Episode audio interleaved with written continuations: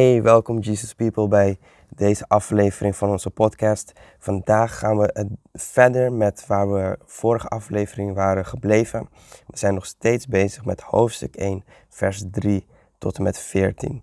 Als je nog niet hebt geluisterd wat we vorige week hebben besproken, ga dan eerst naar die aflevering en luister naar die aflevering zodat je deze aflevering beter kan begrijpen. Vandaag geven we dus een vervolging van wat we vorige week hebben besproken. En vorige week hebben we besproken dat um, vers 3 tot en met 14 van hoofdstuk 1 een lofprijsgedeelte is van Paulus' opening van deze brief. We hebben de, in de vorige aflevering hebben we een begin gemaakt met de geestelijke zegeningen waar Paulus het over heeft, waarmee we in Christus Jezus gezegend zijn. De zegeningen, uh, hebben, we hebben gezien dat de zegeningen opgedeeld zijn in zegeningen dat voor ons, die voor ons in het verleden liggen en heden en ook toekomst. En vorige week hadden we gesproken over de zegen van het verleden. Dat is de verkiezing die in de eeuwigheid heeft plaatsgevonden. Voor ons is dat al geweest. Hè? Voor God is dat in de eeuwigheid. Vorige week uh, hebben we het gehad dus over de zegen. Die vanuit ons perspectief dus in het verleden plaatsvond. Dit is dus de verkiezing. Vandaag zullen we het hebben over de zegen van het heden. De zegen van de toekomst en we zullen het ook een klein beetje hebben over de rijkwijde van deze zegeningen. Van voor wie zijn deze zegeningen? Hoe ver rijken deze zegeningen? Dus laten we beginnen. De zegen van het heden, waar Paulus het over heeft, zien we, zien we beginnen vanaf vers 5. Hij zegt hier, hij heeft ons voorbestemd om als zijn kinderen aangenomen te worden. En dit is de zegen van het heden. De zegen van het heden is dat we aangenomen worden als kinderen van God. In, in, in, in theologische taal noemen ze dit de, de doctrine of de leer van de adoptie. Dat we geadopteerd worden door God, dat we aangenomen worden als zonen en dochters van zijn familie. En God heeft ons voorbestemd dus voor een grotere waardigheid dat zelfs de schepping ons niet geeft. En dat is dat wij deel uitmaken van zijn familie, van zijn volk, dat wij aangenomen worden als zijn kinderen. En omdat we aangenomen worden als zijn kinderen, geeft het ons rijke voorrechten. Maar het geeft ons ook veel eisende verantwoordelijkheden. Het geeft ons voorrecht in de zin dat uh, in Hem, eh, wanneer Paulus het zegt, in Hem hebben wij de verlossing door Zijn bloed, namelijk de vergeving van de overtredingen. Dit zegt hij in vers 7 en 8. Dus in Christus hebben wij dus de verlossing door zijn bloed, de vergeving van de overtredingen, de vergeving van onze zonden. Dit is een groot voorrecht. Als Gods kinderen hebben wij nu vrije toegang tot onze hemelse Vader.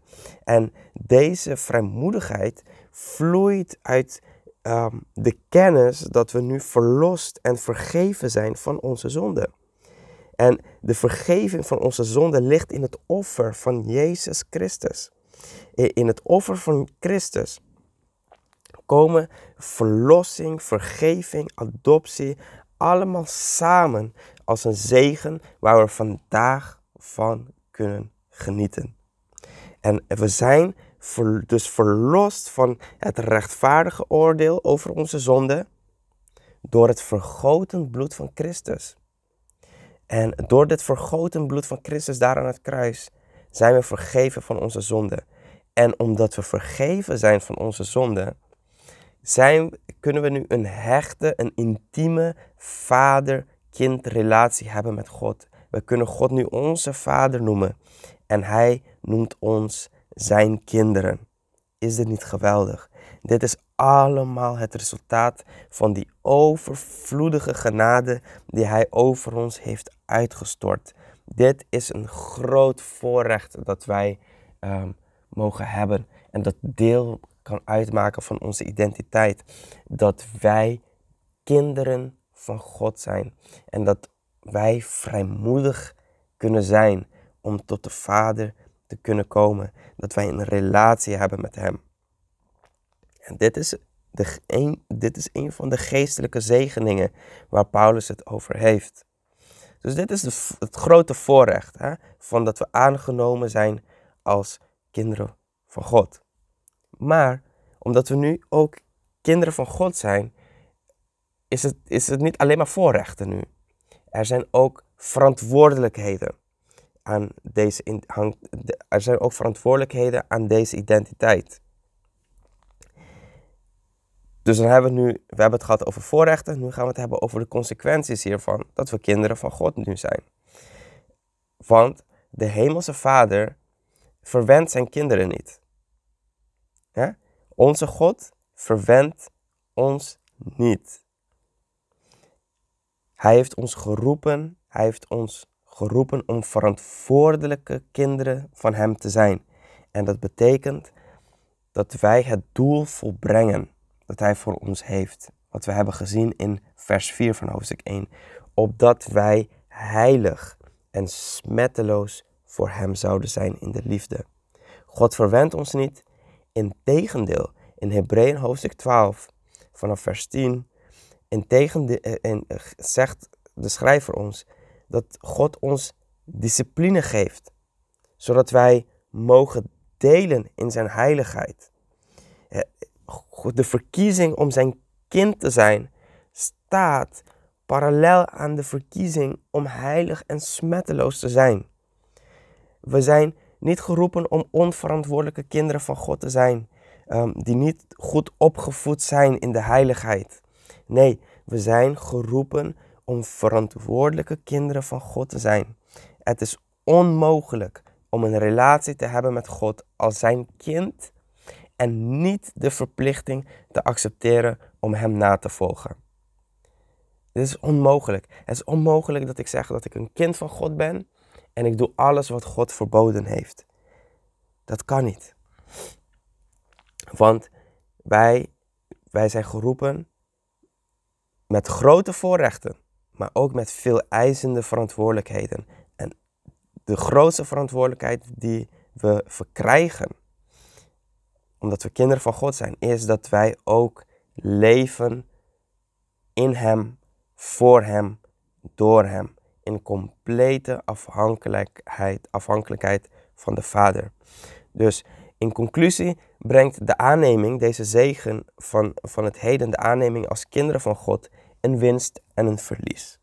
De grootste winst is dat wij nu toegang hebben tot de Vader door de verlossing in Christus Jezus. Dit is de grote winst. Dit is, dit is geweldig. Het verlies, in, de in een zekere zin, het verlies is dat wij dingen opgeven. Dat wij dingen moeten achterlaten om Hem te volgen. Het verlies zijn onze smetten door de heiligende werk van de Heilige Geest, totdat we volkomen zijn in de nieuwe schepping. Het leven van een kind van God is een leven voor Hem. We leven niet meer voor onszelf wanneer we in Christus zijn, maar we leven voor Hem die ons zo lief gehad heeft dat Hij zijn leven voor ons heeft overgegeven. En het is een leven dat bewust leeft in de aanwezigheid van de Vader. Een leven dat bewust is van de grote voorrecht die hij heeft ontvangen in Jezus Christus. Maar ook van de constante, constante uitdaging om Hem te behagen. Het is een constante uitdaging elke dag. Want elke dag zijn er verleidingen om het tegenovergestelde te doen van Gods wil. Maar we worden elke dag constant uitgedaagd. Maar we overwinnen ook, want God heeft zijn geest gegeven. En zijn geest getuigt samen met onze geest dat wij kinderen van God zijn. En we kunnen zeggen, Abba Vader. Wij weten dat wij kinderen van God zijn. En wij weten wat de Vader behaagt en wat de Vader niet behaagt. Dus laten we Een leven leven voor Hem. Een leven dat bewust is. Die, die, de, die de, het grote offer van Jezus Christus beseft. En, en, en ook leeft met een grote, constante uitdaging elke dag om de Vader te behagen. Om Hem eh, um, te laten werken in jouw leven. Zodat Hij jou kan vormen in heiligheid. En jou naar heiligheid kan brengen. Dit is een geweldige zegen, een geestelijke zegen dat wij ontvangen in het heden, vandaag. En nu gaan we verder. Want er is ook de zegen van de toekomst. God wil God geweldige dingen doen vandaag, maar alles wat Hij vandaag doet, doet Hij met een doel. Hij doet dat met een doel. En het doel is dat, om ons de zegen van de toekomst te geven. Hij heeft ons niet alleen maar gekozen om in Christus, uh, hij heeft ons niet alleen maar verkozen in Christus en ons alleen maar aangenomen als zijn kinderen, maar er is een doel waar hij naartoe werkt. En dit, en dit doel en dit doel zien we in vers 9 en 10. En dit is de zegen van de eenwording. Dit is de zegen van een nieuwe hemel en een nieuwe aarde. In Christus is de geheimenis van Gods wil bekendgemaakt. Dit is Gods wil voor de toekomst. Hij wil alles weer in Christus bijeenbrengen. De geschiedenis is niet zonder betekenis of zonder doel. Alles wat tot nu toe gebeurd is in de geschiedenis van de wereld werkt op weg naar één doel. Om de scheiding tussen hemel en aarde weer te harmoniseren. Om de hemel en aarde weer één te laten worden. Want door de zonde van Adam en Eva is er een scheiding gekomen tussen hemel en aarde. Is er een scheiding gekomen tussen God en mens. Maar wat God wil doen, is alles weer in Christus bijeenbrengen. We zijn op weg naar een glorierijke doel. En voor Paulus in deze brief is de eenheid begonnen in Gods volk. Hoe zien we dat? Dat zien we in, het, in hoe hij verder gaat met de brief. De eenheid moet bij het volk van God beginnen. Want er is nu geen scheiding meer tussen Jood en Heiden. En daar gaat hij verder op in in uh, hoofdstuk 2. Er is één volk van God. De gemeente is de eersteling van de nieuwe schepping. Dat betekent dat wij nu de nieuwe schepping uit moeten leven in deze wereld. Dus nieuwe hemel en nieuwe aarde die eenheid moeten we nu uitleven. Die eenheid moeten we nu uitleven. En hoe leven we dat uit? Als één volk van God. Als de gemeente van Jezus Christus. Wij zijn de eersteling van de nieuwe, eerstelingen van de nieuwe schepping, waar hemel en aarde verenigd zullen worden onder het hoofd Jezus Christus. Dat is belangrijk, want wij zijn nu al verenigd onder het hoofd Jezus Christus. Dus in het heden is er allerlei oneenigheid in de schepping. Maar in de volheid van de tijden zal er eenheid komen, een complete eenheid onder de regering van Jezus Christus. Jezus zal koning der koningen zijn en hij zal alles bijeenbrengen. En Paulus verwijst hier dus ook naar de kosmische vernieuwing waar ik het net over had. Die, die nieuwe hemel en nieuwe aarde. Naar de verlossing van de barensnood van de schepping waar hij het in Romeinen hoofdstuk 8 over heeft. En het is mooi en het is goed om hierbij stil te staan. Dat Paulus dit schrijft in gevangenschap. We zien dat ondanks, eh, ondanks dat hij gevangen is, eh, dat hij in gevangenschap dit schrijft. Ondanks dit feit is zijn hart, is zijn verstand gericht op de eeuwigheid. En op dezezelfde manier moeten ook wij leven. Wij moeten ons leven leiden in het licht van Gods eeuwigheid. En als we dit perspectief aanhouden zoals, zoals Paulus heeft, dan kunnen wij deelnemen aan deze lofzang. Aan deze lofzang waar hij deze brief mee begint. Paulus zit in de gevangenis en in plaats dat hij de brief begint met een klaagzang, begint hij deze brief met een lofzang. En weet je, wanneer dingen niet goed gaan in jouw leven, dan is het mens eigen om te beginnen met een klaagzang. Maar wanneer we in Christus zijn en wij delen het perspectief van Gods eeuwigheid, dan bestaat ons leven niet uit een klaagzang, maar bestaat ons leven uit een lofzang. Want wij weten dat alles wat God doet niet zonder een doel is. Wij weten dat alles wat Hij doet in ons leven ten goede werkt. Alles wat Hij doet in ons leven helpt ons tot heiligheid, opdat wij deze belofte, deze zegen kunnen ontvangen in de toekomst. En in de laatste versen, vanaf vers 11 tot en met 14, zien we dat Paulus, nu heeft hij deze drie zegeningen ontvouwd. Hij heeft gezegd, oké, we zijn uitverkoren voor de grondlegging van de wereld. We zijn aangenomen als kinderen van God. En alles zal onder Christus bijeengebracht worden in eenheid. Dit zijn die drie zegeningen, die drie geestelijke zegeningen. Maar nu gaat Paulus verder en voegt hij eraan toe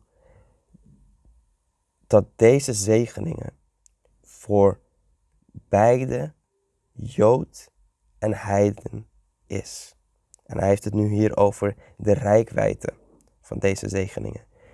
Deze zegeningen zijn voor iedereen. Het is nu niet alleen maar het volk van Israël, maar het is Jood en Heiden die kunnen genieten van deze geweldige zegeningen. En dit zien we in de constructie van de versen 11 en 13. En het is een beetje nu een beetje technisch, maar dan moet je even na het luisteren kan je dat even gaan bekijken. In vers 11 en 13, uh, want hij spreekt tot beide Joden en heidenen. Allereerst spreekt hij tot de Joden in vers 11, wanneer hij zegt, in hem zijn wij ook. Daar, uh, en daarna, in vers 13, spreekt hij tot de heidenen, wanneer hij zegt, in hem bent ook u. Paulus begint met wij, dus hij zelf en zijn Joodse medegelovigen, en gaat over naar u, dat zijn zijn gelovige heidense lezers. En vervolgens in vers 14 spreekt hij over onze erfenis. Dus in deze drie versen anticipeert hij al naar het onderwerp van hoofdstuk 2. Hij maakt alvast duidelijk dat door de eenheid met Christus het volk van God één is. Hij deelt hier drie belangrijke waarheden over Gods volk. Hij zegt dat Gods volk Gods eigendom is. In hem zijn wij ook een erfdeel geworden. En het woord erfdeel is een duidelijke echo uit het Oude Testament. Het volk van Israël werd in het Oude Testament in deze termen beschreven. Dit zien we in Deuteronomium hoofdstuk 4, vers 20. Hoofdstuk 9 van Deuteronomium, vers 29. Psalm 33, vers 12. Paulus is ervan overtuigd dat dit nu geldt voor een ieder die in Christus is. Jood en heiden zijn nu Gods erfdeel, Gods eigendom, zoals alleen Israël was in de dagen van het Oude Testament. Beide Jood en heiden maken nu deel uit van Gods volk.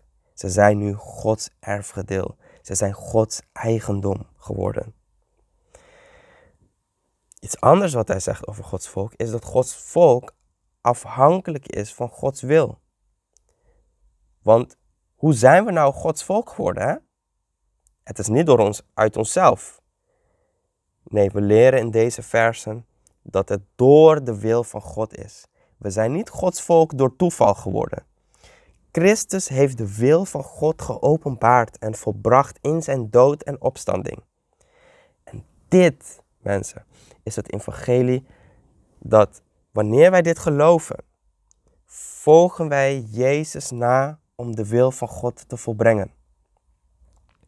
Als wij een succesvol kind van God willen zijn, en wanneer ik praat over succesvol, dan praat ik niet over dat je Lamborghinis en Ferraris en, en, en villas moet hebben en zo. Dat, dat is de succes waar de, die de wereld heeft. Hoe de wereld succes meet. Maar wanneer ik spreek over succes, een succesvol kind van God zijn.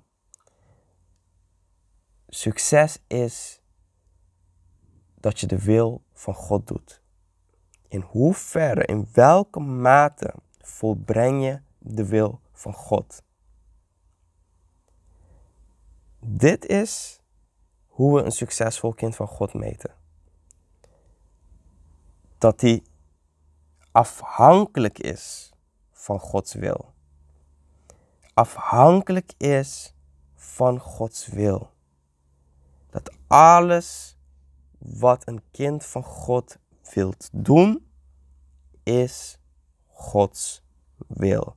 En wanneer we Gods wil doen, dan zijn we succesvol.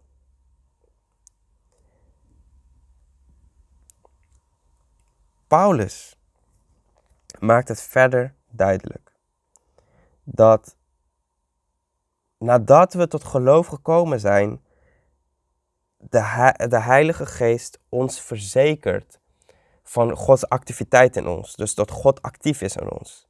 En hij geeft hier de Heilige Geest drie benamingen in deze vers, in deze laatste verse. Hij noemt hem de Heilige Geest van de belofte. De Heilige Geest is beloofd door de Oud-testamentische profeten door Jezus en is uitgestort op de Pinksterdag. God belooft ook vandaag um, om een ieder die zich bekeert en gelooft, en, en die gelooft, de geest te geven. Als je een kind van God wordt, dan is dat alleen maar mogelijk door de Heilige Geest. Deze zegeningen, deze geestelijke zegeningen, denk aan de vorige aflevering, deze geestelijke zegeningen kunnen alleen maar gegeven worden, kunnen alleen maar toegepast worden, kunnen wij alleen maar ontvangen door middel van de Heilige Geest. Het is onmogelijk om jezelf een christen te noemen en niet de Heilige Geest te hebben in jouw leven. Het is alleen maar mogelijk door de Heilige Geest dat wij kinderen van God genoemd kunnen worden. Hij, noemt, hij geeft ook de benaming aan de Heilige Geest dat hij de zegel is van Gods volk. En de zegel is, het is een teken van eigendom. God zet zijn geest in zijn volk om hun te markeren als de leden van zijn familie. Wat is het teken van een christen, van een kind van God? Het is niet dat wij een ketting met een kruis dragen. Nee, het is een geestvervuld leven. Een leven dat leeft in heiligheid. Een leven dat afhankelijk is van de wil van God. Een leven dat gemarkeerd is door de Heilige Geest. De derde, wat hij zegt over de Heilige Geest, is dat de Heilige Geest de onderpand is van onze erfenis. En dus dit is een interessante benaming, want een onderpand in de oudheid betekende dat de koper van tevoren een deel betaalde, zodat de koper een legale claim kan maken op hetgeen dat hij gekocht heeft.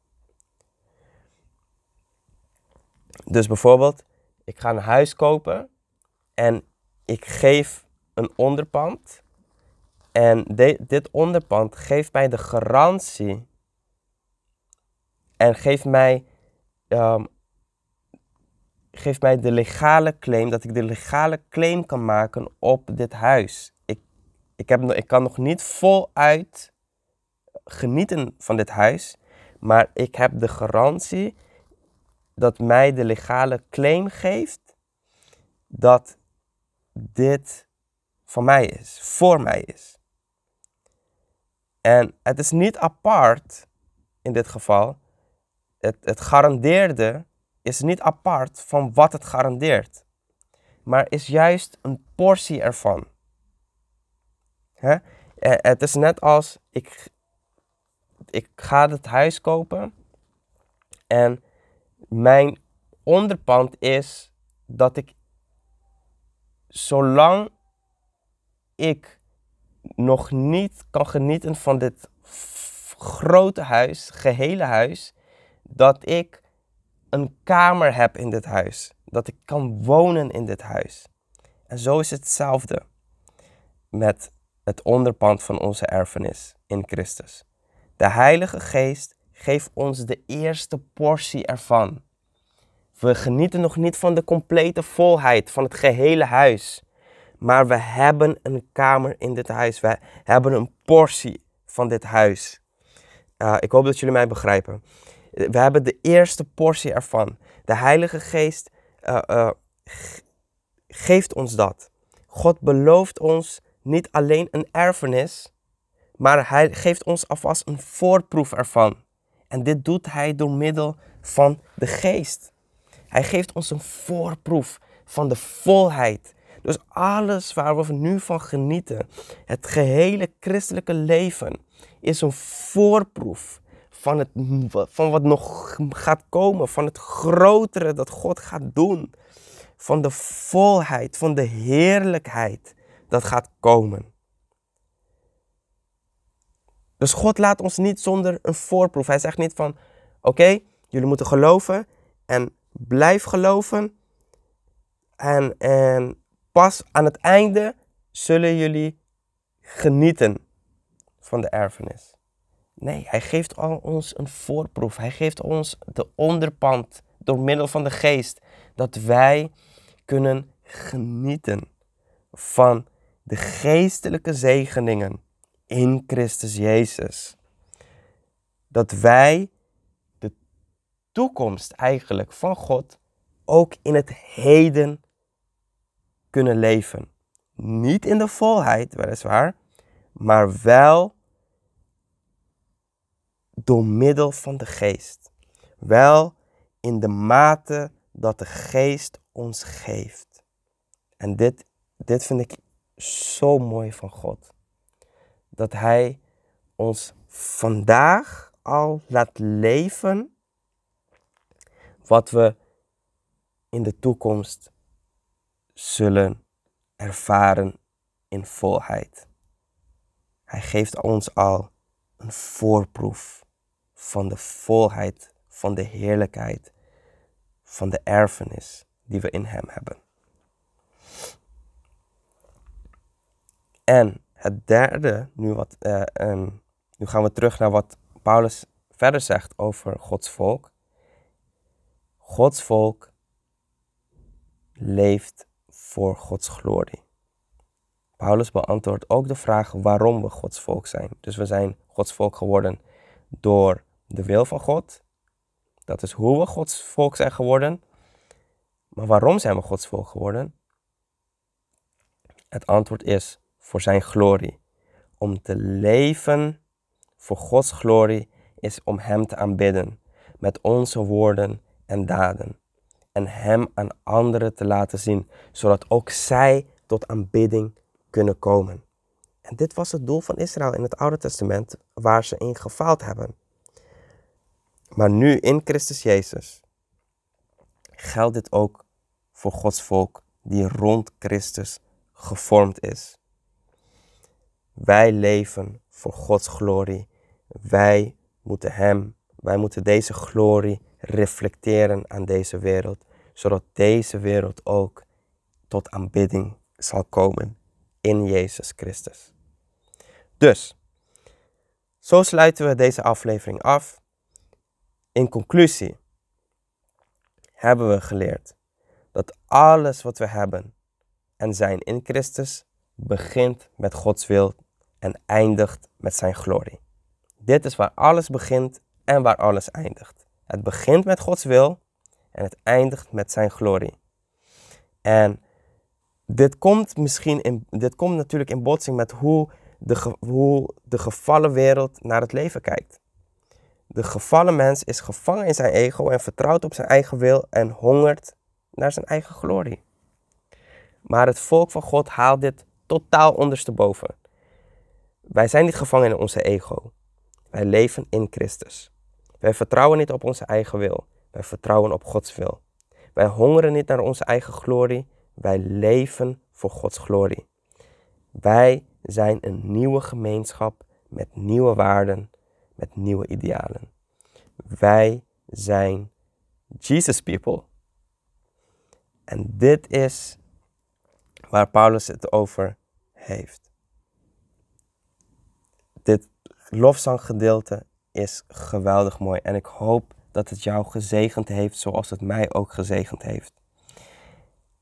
Volgende week gaan we verder. Vergeet niet, we hebben ook in de podcast hebben we ook het, de afdeling van beter begrijpen. En we hebben vorige week hebben we een geweldige gesprek gehad. Ik en, en, en Lee hebben een geweldig gesprek gehad over het zat zijn van de kerk. Hè? Wanneer mensen zeggen, ik ben de kerk zat, hoe gaan we daarmee om? En we hebben ja, over de kerk gesproken. We hebben gesproken over teleurstellingen die we misschien meemaken in de kerk, eh, et cetera. Dus luister daar ook naar als je wilt. En volgende week zullen we weer zijn met een nieuwe aflevering van Efeziërs. Volg ons op social media, volg ons op Facebook, op Instagram. Abonneer je op ons YouTube kanaal, zodat je altijd up-to-date zal zijn van de nieuwe dingen die zullen komen. God zegen jullie Jesus people. Laten we Jesus people zijn elke dag van ons leven. God zegen jullie en tot de volgende keer.